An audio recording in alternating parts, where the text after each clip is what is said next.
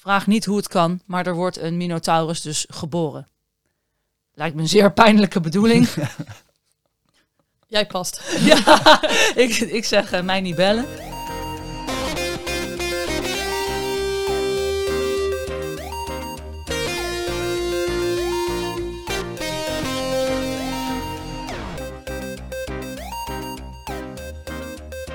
Hey, leuk dat je luistert naar deze aflevering van de Paagman Tip Boekhoek podcast. Mijn naam is David en ik ben jullie host, samen met...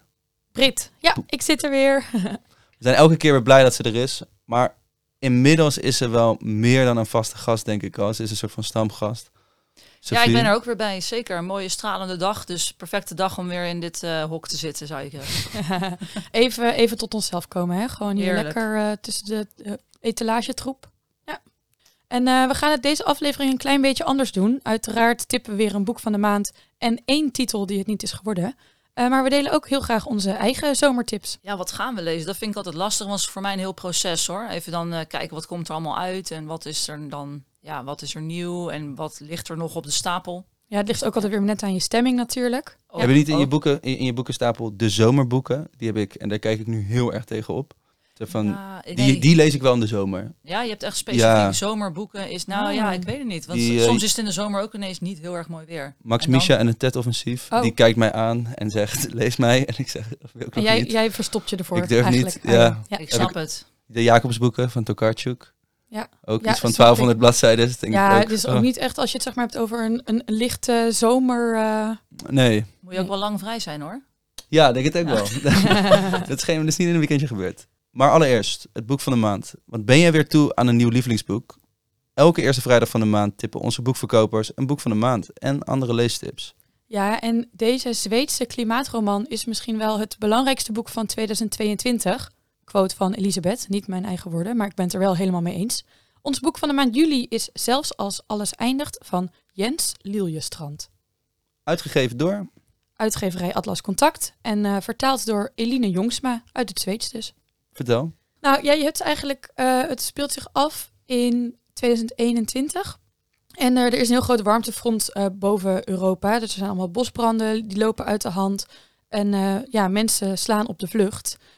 Demonstranten marcheren door de steden. Dus het is helemaal chaos. Maar in alle chaos gaat het gewone leven van Diederik, Melissa, André en Vilja gewoon door. Dus je hebt eh, bijvoorbeeld Diederik en zijn vrouw Carola, die de tijd na de geboorte van hun derde kind precies gepland hadden al. Ze zouden, ja, gesteund door de ouderschapsuitkering van, eh, van de staat in Zweden, zouden zij een soort droomvakantie in Thailand doorbrengen, echt een hele lange tijd. Eh, en intussen hun flat onderverhuren. Maar ja, dus die aaneenschakeling van bosbranden verhindert hun terugkeer naar Stockholm, van waaruit ze naar, naar Thailand zouden vliegen. Ehm, want met twee kinderen en een baby van enkele maanden worden zij opeens klimaatvluchtelingen. En dan in Stockholm, dat is eh, een tweede verhaallijn, eh, ontmoeten we de influencer Melissa. Eh, dus haar inkomen loopt eigenlijk gewoon constant door. Ze is een, ja, op het randje van een klimaatontkenner. Is heel erg van blijf gewoon in de tijd leven. Ja, nu is het enige wat we hebben, dus geniet ervan. En zij is de maîtresse, of zeg maar de... Ja, ze had een verhouding met, eh, met Diederik, voordat zijn derde kindje Becca werd geboren.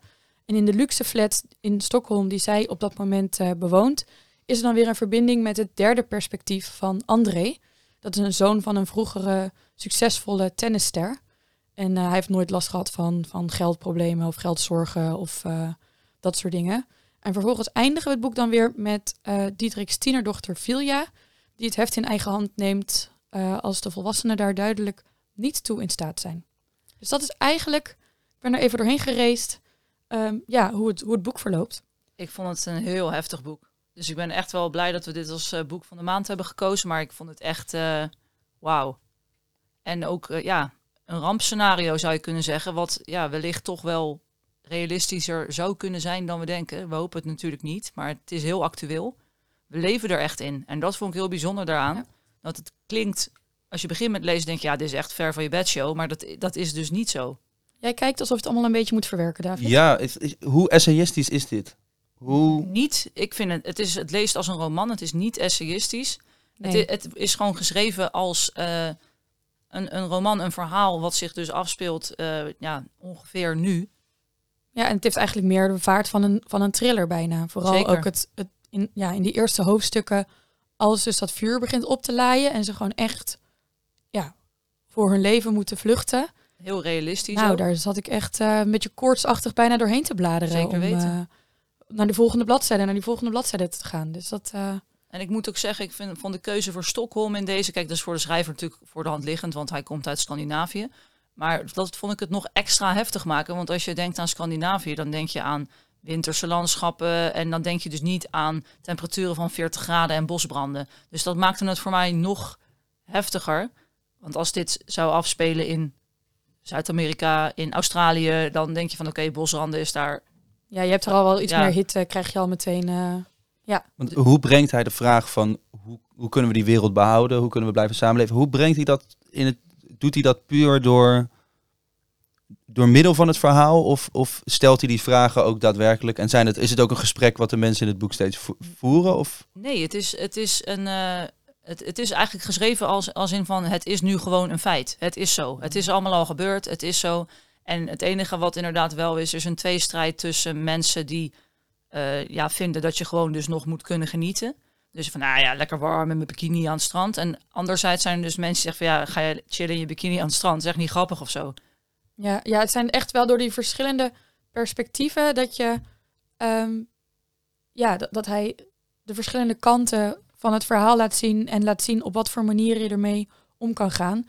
En dus ook eigenlijk dus die verschillende lagen in de bevolking. Want bijvoorbeeld dus die Diederik, wat het eerste perspectief eh, vertelt, die heeft op zich een hele goede baan, maar wordt dus opeens klimaatvluchteling. Dus zit opeens ergens, eh, ja, hè, je bent opeens totaal van andere mensen afhankelijk. En eh, die André, die kan er juist nog heel lang voor vluchten. En ja, waardoor je een hele lange tijd denkt van, oh ja, geld kan toch wel veel problemen oplossen als het ware. Ehm, maar toch ook, ja, bij iedereen gaat het wel in het hoofd zitten. En ja, op een gegeven moment moet je toch gaan afvragen van, oké, aan welke kant wil ik staan? Wil ik mijn ogen sluiten of wil ik dat niet doen? En het, Het is vooral confronterend, vind ik. Het is echt confronterend. Zeker nu, je- nu we natuurlijk ook met de stikstofdiscussie in de Tweede Kamer ook. Dus het is ja, meer up-to-date had niet kunnen zijn. de boeren rijden as we speak Ja, Den Haag binnen? Eh, omdat, denk ik. nou ja, dat, dat is wel wat ze. Ik heb ze vanochtend niet gezien op de weg, maar dat zouden ze inderdaad nu aan doen moeten zijn. En eh, ja, misschien dat ze niet allemaal van lezen houden, maar lees dit boek, want dit zou zomaar je voorland kunnen zijn. En dan moet je er mee dealen. Ja, en het is ook wel gek, want het, het speelt zich dus af in, nou, ik denk 2021, zeg maar. Ja. We zijn dan net over de, eh, ja, het is eigenlijk een paar maanden na de, de grote piek van de coronapandemie. En dat gaat dus in het boek ook wel regelmatig over eh, vaccins, thuiswerken, eh, het, ook het crisismanagement en in hoeverre ja, de overheid is geslaagd om zijn burgers te beschermen. Erg herkenbaar dus. Ehm, en het is dus ook wel gek, want het is dus eigenlijk speelt het al zich af in het verleden, maar het is wel een soort van dystopische toekomst, als het ware. Dus ja, dat, dat, dat maakt het ook extra, vond vond ik in ieder geval extra confronterend. Eh, want je denkt van, oh ja, ik ben aan het lezen over iets in de toekomst. En dan is het van, oh wacht, oh, er, ja, ze zijn net sinds twee al. maanden aan het thuiswerken. Dus dat, dat hebben wij vorig jaar, vorig jaar meegemaakt. En dat maakt het een hele, ja, ja echt wel een beetje een, eh, een wake-up call, denk ik, voor ik, veel. ik denk dat het een heel belangrijk boek is om te lezen, want eh, juist omdat het zo actueel en zo urgent is. eh, moet ik wel zeggen dat het, ik het ook wel een, een, het enige minpunt vond. Dat het, ik vind het wel echt wel heel confronterend. Ja. En soms kan je niet helemaal zin hebben in vaccins, thuiswerken, om het daar ook over te lezen op vakantie of überhaupt. ja, het is, het is maar ja, te vers nog voor, voor sommigen van ons. voor was het, sommigen wel, maar desalniettemin eh denk ik dat het wel heel belangrijk is dat iemand dus begonnen is met hier een boek over schrijven en bijna een soort post-apocalyptische Ja. ja, scenario omschrijft in een romanvorm. Want jij zei inderdaad van nou is het essayistisch, nou helemaal niet. En dat vind ik dus wel dan heel knapper aan dat je het kan gieten in een ja, verhalend. Ja, maar het, is, het- maar het is bijvoorbeeld ook niet echt een totale klimaatpreek van... kijk eens wat we allemaal hebben gedaan en de wereld staat in brand... en het is allemaal jullie of onze schuld of zo. Want je hebt dus ook ehm, in Stockholm bijvoorbeeld... ja, daar gaat het helemaal los doordat klimaatactivisten een soort van... die hebben, ja, wen er maar aan, is een soort van hun, hun vaste leus om ehm, ja, hun punt duidelijk te maken. En zij gaan veel te ver. Dus zij steken dingen in brand, want de wereld staat al in brand door de klimaatproblematiek. Ehm, dus nu, ja, steken we het nog maar extra aan, zeg maar. Dus, en, en plunderingen. En, dus dat zorgt er wel voor. Het is niet, zeg maar, dat het links, zeg maar, extreem links tegen extreem rechts is en een van de kanten is goed of zo. Nee. Nee, dat is niet zo, zeker niet. lijkt me dus ook een beetje een soort van verkenning van waar we wellicht heen zouden kunnen gaan. Als, als het, Zeker. mijn god. Het is eigenlijk ook een beetje, het boek van de maand panel heeft hier eigenlijk ook een beetje een statement mee, mee uitgebracht. In de maand juli, waar toch veel mensen ook nog eens de boekwinkel binnenkomen en zeggen van joh, doe maar een boekje voorbij, voorbij het zwembad. Kiezen jullie gewoon van een ontzettend aangrijpend Ja, zou je kunnen zeggen dat het een beetje een eh, onconventionele keuze is. Vorig, voorgaande jaren hebben we inderdaad eh, beach read, eh, dat soort dingen. Dus Ja, echt wel. eh, en nu dachten we, ja, moeten we dit nou niet kiezen omdat het zomer is? Ik denk, ja, dat, ik denk dat dat niet eenmaal het doel is wat we willen bereiken met het boek De hitte loopt wel lekker op in het boek, dus op zich past dat natuurlijk perfect Ja. bij de zomer. kan je wel inleven soms, denk ik, in sommige passages. ja. Eh, Ja. ik, ik ken de schrijver niet. Ik denk veel mensen kennen de schrijver niet. Kunnen jullie iets zeggen over zijn schrijfstijl? Hoe die, hoe die het aanpakt? Nou, het interessante vind ik, het, het zijn dus eh, vier verschillende perspectieven. En hij weet ook wel echt in ieder perspectief een, een andere toon aan te slaan. Dus eh, ja, het is voor, ja, ik weet niet precies hoe oud hij is, maar ik denk een jaar of eh, veertig. ja, niet iedere 40-jarige man kan een, een, een meisje van, eh van 14 goed treffend een stem geven. En dat heeft hij bijvoorbeeld wel gedaan. Dus je ziet, je, ja, je leest echt wel verschil tussen als dus de puberdochter Filia aan het woord is, of als bijvoorbeeld dus eh, ehm, ja, Diederik, de man van middelbare leeftijd, eh, aan het woord is. Dus dat vind ik heel knap. En ehm, wat ik wel heel bijzonder vind, in Duitsland is het boek ook al vertaald. Eh, en daar zijn de vier verschillende perspectieven bijvoorbeeld door vier verschillende vertalers gedaan. Dus ik vind het ook wel een hele interessante keuze van de Duitse uitgeverij, want dat laat ze eigenlijk ja, zien van het zijn dus zulke verschillende stemmen dat we daar niet één vertalende stem voor konden vinden of zo. Ehm, wat, ja, wat natuurlijk ook weer ja, het boek op een artistieke manier beïnvloedt. Ehm, maar ja, het laat dus wel zien dat dus echt ook al die perspectieven echt een eigen schrijfstijl en dus ook een eigen vertaalstijl nodig hebben. Te gek. Dat, Ja. eh, ja, Klinkt- vond ik heel cool. Wederom heel uniek, denk ik, om op die manier te laten vertalen. Ja, ja. En wat, we hadden het dus er al een beetje over. Onderwerp is zwaar, dus dat kan een minpunt zijn. Ik weet niet of er nog andere dingen zeggen van een soort van disclaimer die jullie nog willen geven voor bij dit boek van de maand. Ja, eh, disclaimer bij dit boek. Wat zal ik zeggen? Eh, ik had er zelf, eh, had ik dit niet, maar we, hebben, we bespreken natuurlijk altijd in de vergadering het boek van de maand. En sommige mensen hadden toch wel dat, juist door die vier perspectieven, dat je op een gegeven moment een beetje denkt van, ja, nou weet ik het wel. Of van, nou heb je haar weer. En, maar ja, goed, ik heb dat zelf dus niet zo ervaren, maar dit is wat onze collega's zeiden van, nou, die hadden dat dan wel. Dan, concluderend. Boek van de maand juli. Zelfs als alles eindigt. Jens Lillestrand. Ja. Gek. Ja.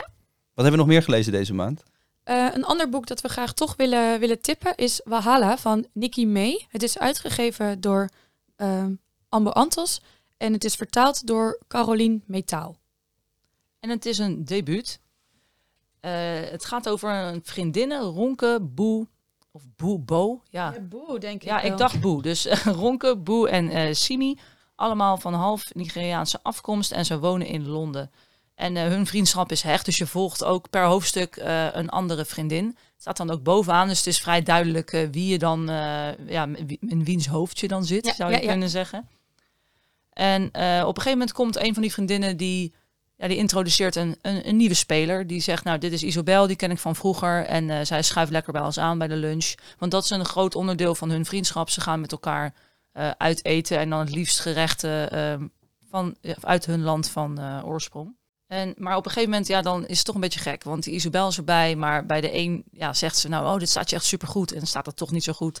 Of eh, dan denkt ze dat iemand een geheim vertelt aan eh Isabel, maar die heeft het dan toch weer tegen iemand anders gezegd. Dus het gaat een beetje rommelen eh, door de nieuwkomer, zou je kunnen zeggen. En ja, dat brengt gewoon een hoop, hoop teweeg. Dus in het begin dacht ik van, oké, dit is weer zo'n boek over vriendinnen. Maar dat bleek toch niet te zijn, want er wordt wel gelaagder en het wordt aan, eh, ja, een beetje over de helft toch ook echt spannend. Eh, en ja, het is, het is vooral die Nigeriaanse afkomst speelt een grote rol. Dus je ziet familieverhoudingen, je ziet waar komen ze vandaan.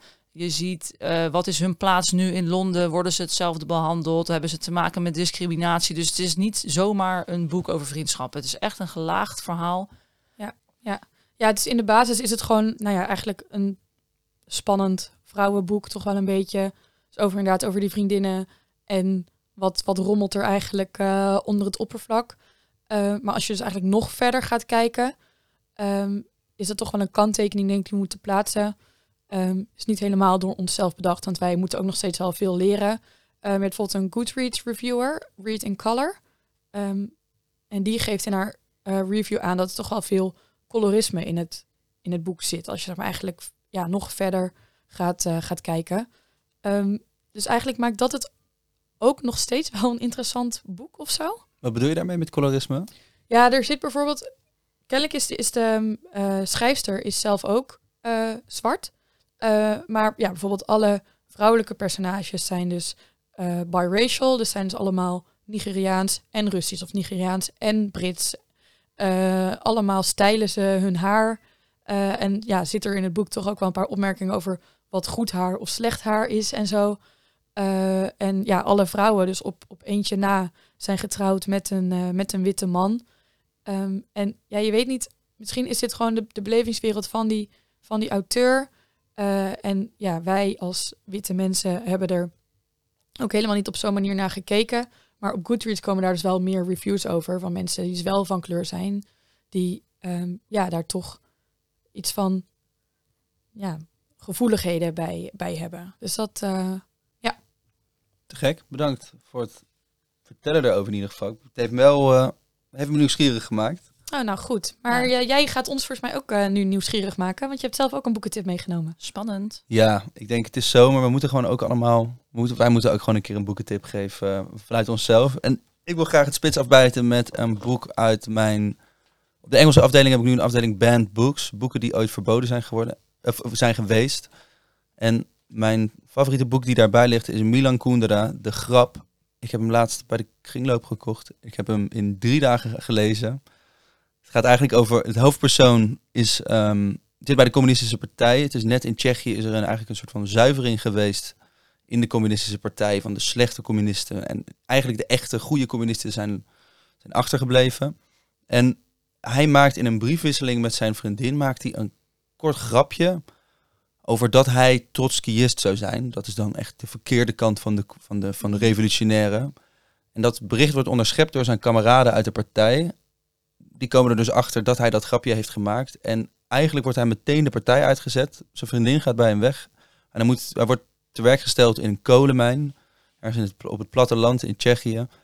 Moet daar 15 jaar lang als een politieke gevangene in de kolenmijn werken. En en, en eigenlijk, het, het, begint een, het, wordt een hels bestaan en je gaat met het hoofdpersoon prachtig mee in zijn, eigenlijk zijn crisis die hij heeft met ja, waarom, waarom doe ik alles nog en, en wat, wat is mij aangedaan, ook het onrecht wat hem volgens hem is aangedaan.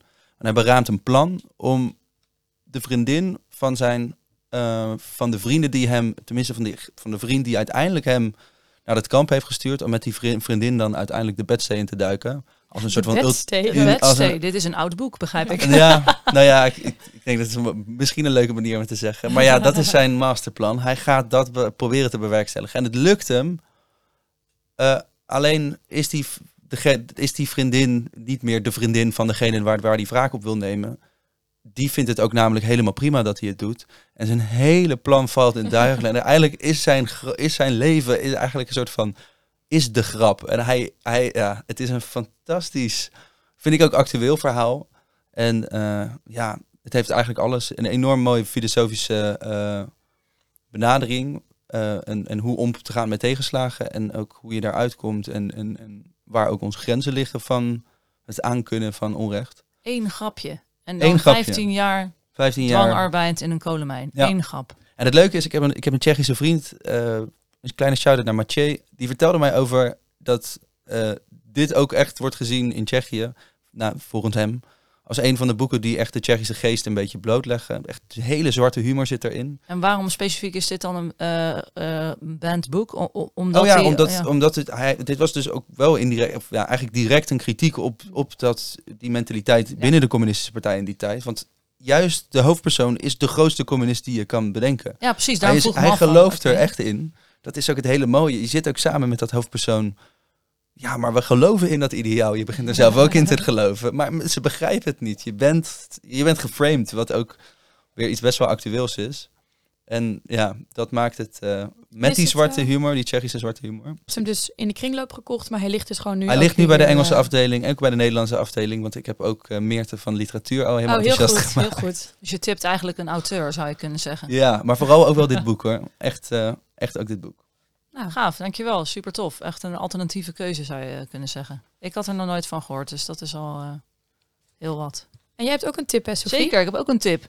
Eh, mijn tip is eh, Ariadne van Jennifer Saint. En het is uitgegeven door uitgeverij Orlando, vertaald door Saskia Peterson Kotte. En deze roman is een mythologische bewerking van het verhaal van de Minotaurus, alleen vanuit het oogpunt van een van de vrouwelijke hoofdpersonen, Ariadne, en dat is dan zijn zus, supposedly. Eh, ja, die mythologie die wordt natuurlijk al jarenlang bewerkt in geschreven vorm. Maar nergens leek tot nu toe dan de vrouw echt uit de verf te komen. Altijd een beetje een onderdanig persoon of niet echt een hele Ja. grote rol. Maar er is een soort nieuwe generatie auteurs opgestaan. Die in het genre van deze ja, non-fictie, zou je, ja, het is natuurlijk ge- geschiedenis, mythologie. eh, ja, zij zijn dus begonnen met vanuit het oogpunt van eh, vrouwelijke hoofdpersonen. En eigenlijk is Madeline Miller daarmee begonnen. Met haar hervertellingen eh, van eh Circe en een lied van eh, voor Achilles. Maar deze gaat dus specifiek over het verhaal van de Minotaurus, even in het kort. Dit is dus ja, een van de beroemdste mythes. En daarin verraadt zij eigenlijk haar vader, koning Minos, door Theseus te helpen de Minotaurus te verslaan. Nou ja, wat is een Minotaurus? Misschien dat niet iedereen dat weet. Het, het is eh, een schepsel met de kop van een stier en het lichaam van een mens. En het woont in een labyrint. En in de wereld van goden, ja, in het algemeen eh, in de mythologie, zijn int- intriges, dat is de orde van de dag. Niks gaat normaal. Zelfs het eenvoudige ding, dat kan eh, een een van de hysterische einde ja, het krijgen. kan wel eens juicy daar naartoe gaan, hè? Ja, dus het is allemaal vrij heftig. En daar is dit ook geen uitzondering op. Want Minos en zijn broers ha- hadden dus oneenigheid van ja, wie is nou de re- rechtmatige koning? En ja, Poseidon die st- steunt Minos en stuurt hem een witte stier. En witte stier is het teken van koningschap. Maar wel met de voorwaarde, die stier moet hij dan wel gelijk offeren weer ja, aan hem terug natuurlijk. Want niks gaat natuurlijk zomaar. Maar Minos die besluit dus dat niet te doen. Nou, slecht plan. Poseidon die denkt, ja, wacht even, ik pak jou. Jouw vrouw wordt nu verliefd op een stier. Nou, ongelooflijk. In deze tijd zou dat natuurlijk nooit kunnen, maar in de mythologie kan alles, dus dat ook.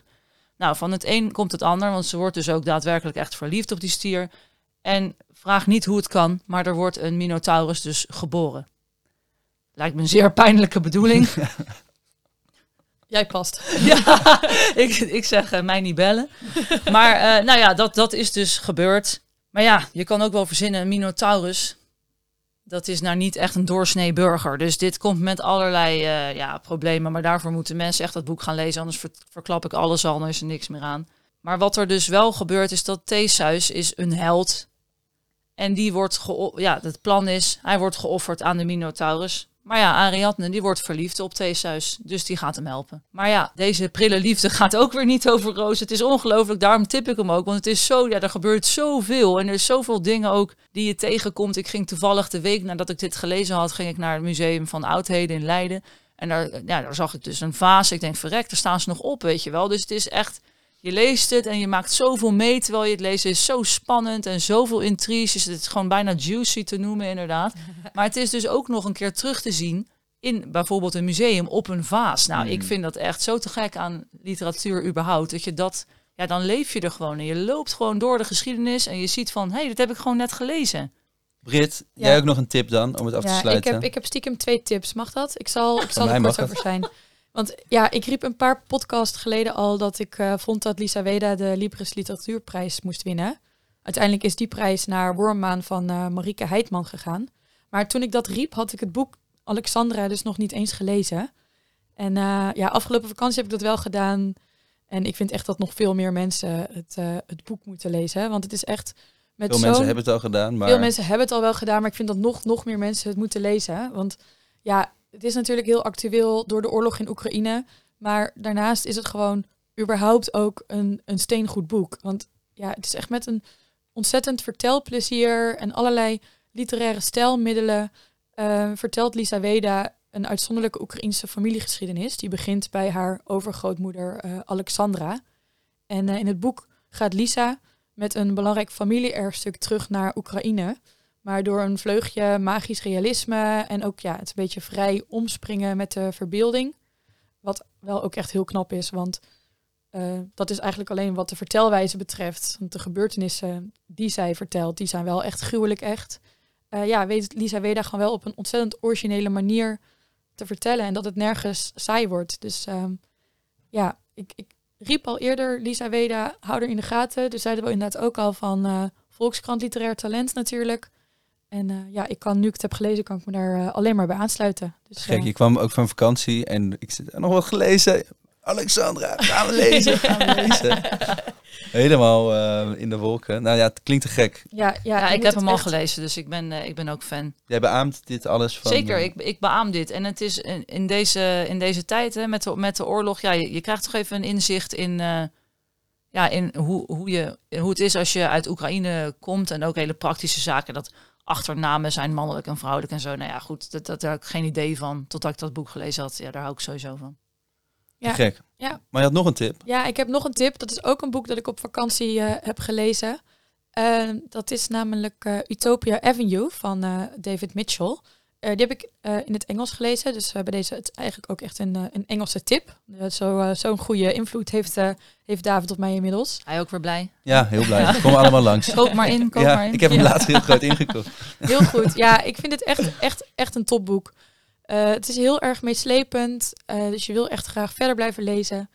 En eh, in het boek volg je de band Utopia Avenue, bestaande uit volkszangeres Elf Holloway, gitaarvirtuoos Jasper de Zoet, bluesbassist Dean en jazzdrummer Griff eh, in de jaren 60, 70.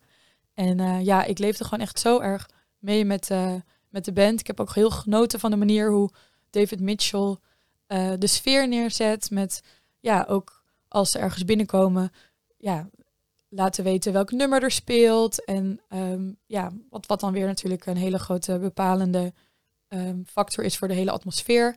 Eh, en tijdens het lezen van dit boek kan je ook eigenlijk mee in die atmosfeer door eh, Utopia Avenue Spotify-lijstjes die eh, Oh. David Mitchell dan weer heeft gemaakt.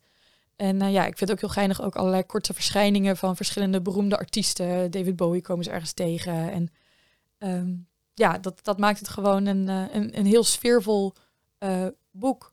En ja, ik vind gewoon dat iedereen dat ook moet lezen. Het is ook best wel dik, dus je kan je er echt lekker, eh, lekker in verliezen als je hem meeneemt op vakantie. En origineel met die muziek. Ik weet niet, het komt te Ja. weinig in boeken. Maar Heel vaak worden dan zulke muziekboeken, maar dit blijft literatuur, ondanks dat het muziek eigenlijk als hoofdthema heeft. Ja, je gaat wel echt bijna twijfelen of Utopia Avenue niet toch echt heeft bestaan. En dan dat is bijvoorbeeld ook dus wel een David Bowie daarin voorkomt. eh, heb ik op een gegeven moment een soort platenbaas bijvoorbeeld ook wel echt gegoogeld. Dat ik dacht, nou, deze Mhm. persoon moet toch ook wel echt hebben bestaan. En dat was dan weer niet. Dus ja, het, het, het, het prikkelt je ook wel dat je, ja, Als je Daisy Jones en de Six hebt gelezen, vind je dit dan ook leuk? Of is het eh, totaal Zeker. anders? Ja, Oh, het, is, het is heel anders. Het is, het is wel echt. eh, Daisy Jones and the Six is misschien toch nog wel. Dat is van Taylor Jenkins Reid. eh, geschreven in interviewvorm. Oké, ja. Dus, en dit is meer een soort maar documentaire vorm. Dus daardoor wel ook weer wat toegankelijker. Omdat die zinnen gewoon een stuk korter zijn en zo. Dus dit is wel. ja, David Mitchell heeft soms wel enigszins lyrische stijl. En zeker in het, eh, in het Engels. Hij gebruikt ook wel veel. Die Dean heeft bijvoorbeeld een heel zwaar accent. Dus dat kan soms lastiger te lezen zijn als je ja, zeg maar niet eh, helemaal gek bent op lezen, zeg maar. Leuke toevoeging ook echt die Spotify-lijstjes, vind ik hoor. Benedict Ja. Wells heeft het ook gedaan bij zijn laatste boek. Ja, ja, het geeft gewoon echt zoiets extra's, waardoor je gewoon echt helemaal die bubbel in kan als je wil. En eh, Te gek toch voor op vakantie. Zet je lekker dat lijstje aan. Lekker een biertje of een wijntje erbij. Boek erbij. Helemaal Ja. klaar toch? Ja. En het is wel, zeg maar, David Mitchell doet eigenlijk altijd in zijn boeken, ehm, die verweeft hij allemaal met elkaar. Dus personages komen, komen terug. Dus in dit boek heeft hij ook een link eh, in zijn overkoepelende univer- universum tussen Jasper de Zoet, wat dus de eh, gitarist is, en Jacob de Zoet, die uit, een, eh, uit eerdere boeken. Ja, dat maakt het voor mij soms een beetje zweverig, een beetje lastig, omdat ik dat boek over Jacob de Zoet niet gelezen heb.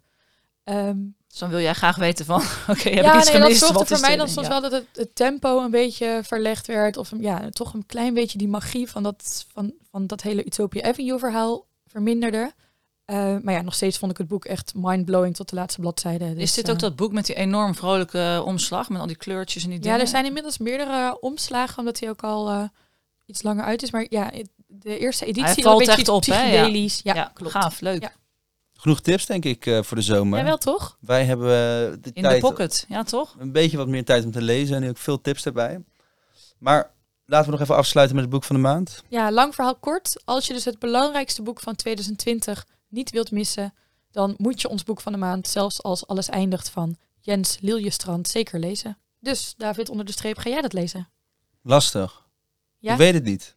Ik moet er nog even over nadenken. Kan ik, vind, me wel voorstellen hoor. Ik vind, het last, ik vind het onderwerp lastig om over te lezen, omdat ik, Ja. ik, ben, ik, ik heb zelf politieke wetenschap gestudeerd en ik, ik ben ook met, met politieke filosofie heel veel bezig. Ik ben heel erg bezig met de oplossen en hoe we het moeten doen. En om dan te lezen dat het te laat is. Ik, ik, het het Ja, is een, een, lastig. Het, het is wel iets, iets, iets. Ja, het boek biedt weinig oplossingen en vooral nog meer vragen. Ja, Ja, en, en ja, als jij ja. elke maand zegt, ja, ik ga het lezen, lijkt me fantastisch, is het ook een beetje raar natuurlijk. Want het moet wel realistisch Ja, blijven. ja, zeker, zeker. Maar ik, ik, ik, ik twijfel erover. Ik zeg niet dat ik het niet. eh, ik, ik wil het echt niet helemaal niet uitsluiten. Verre van zelfs. Ja. Maar dat is wel een. eh, ik vind het heel ambitieus om, om hierover te schrijven. Dat maakt het misschien juist ook wel weer Ja. waarom ik het wel zou willen lezen. Ja, ik denk echt wel dat je het een te gek boek zou vinden, maar ik kan me ook voorstellen dat inderdaad ook met jouw leesstapel die je al hebt, dat het zo'n boek is wat uiteindelijk een soort van in je maag gaat zitten van, oh, ik wil dit eigenlijk ook nog lezen, maar wanneer? Maar ja, als je er aan durft te wagen, het, het is het wel echt helemaal waard. Ja. Ik vertrouw je natuurlijk Nou, dat is fijn. voor de volle 100%. Zo, heftig statement. ja, echt hoor. Met boeken maar wel tips 100%. fijn. Ja, oké, met boekentips dan Ja, oké. Laten we daarbij houden. laten ja, we nee, dat is goed.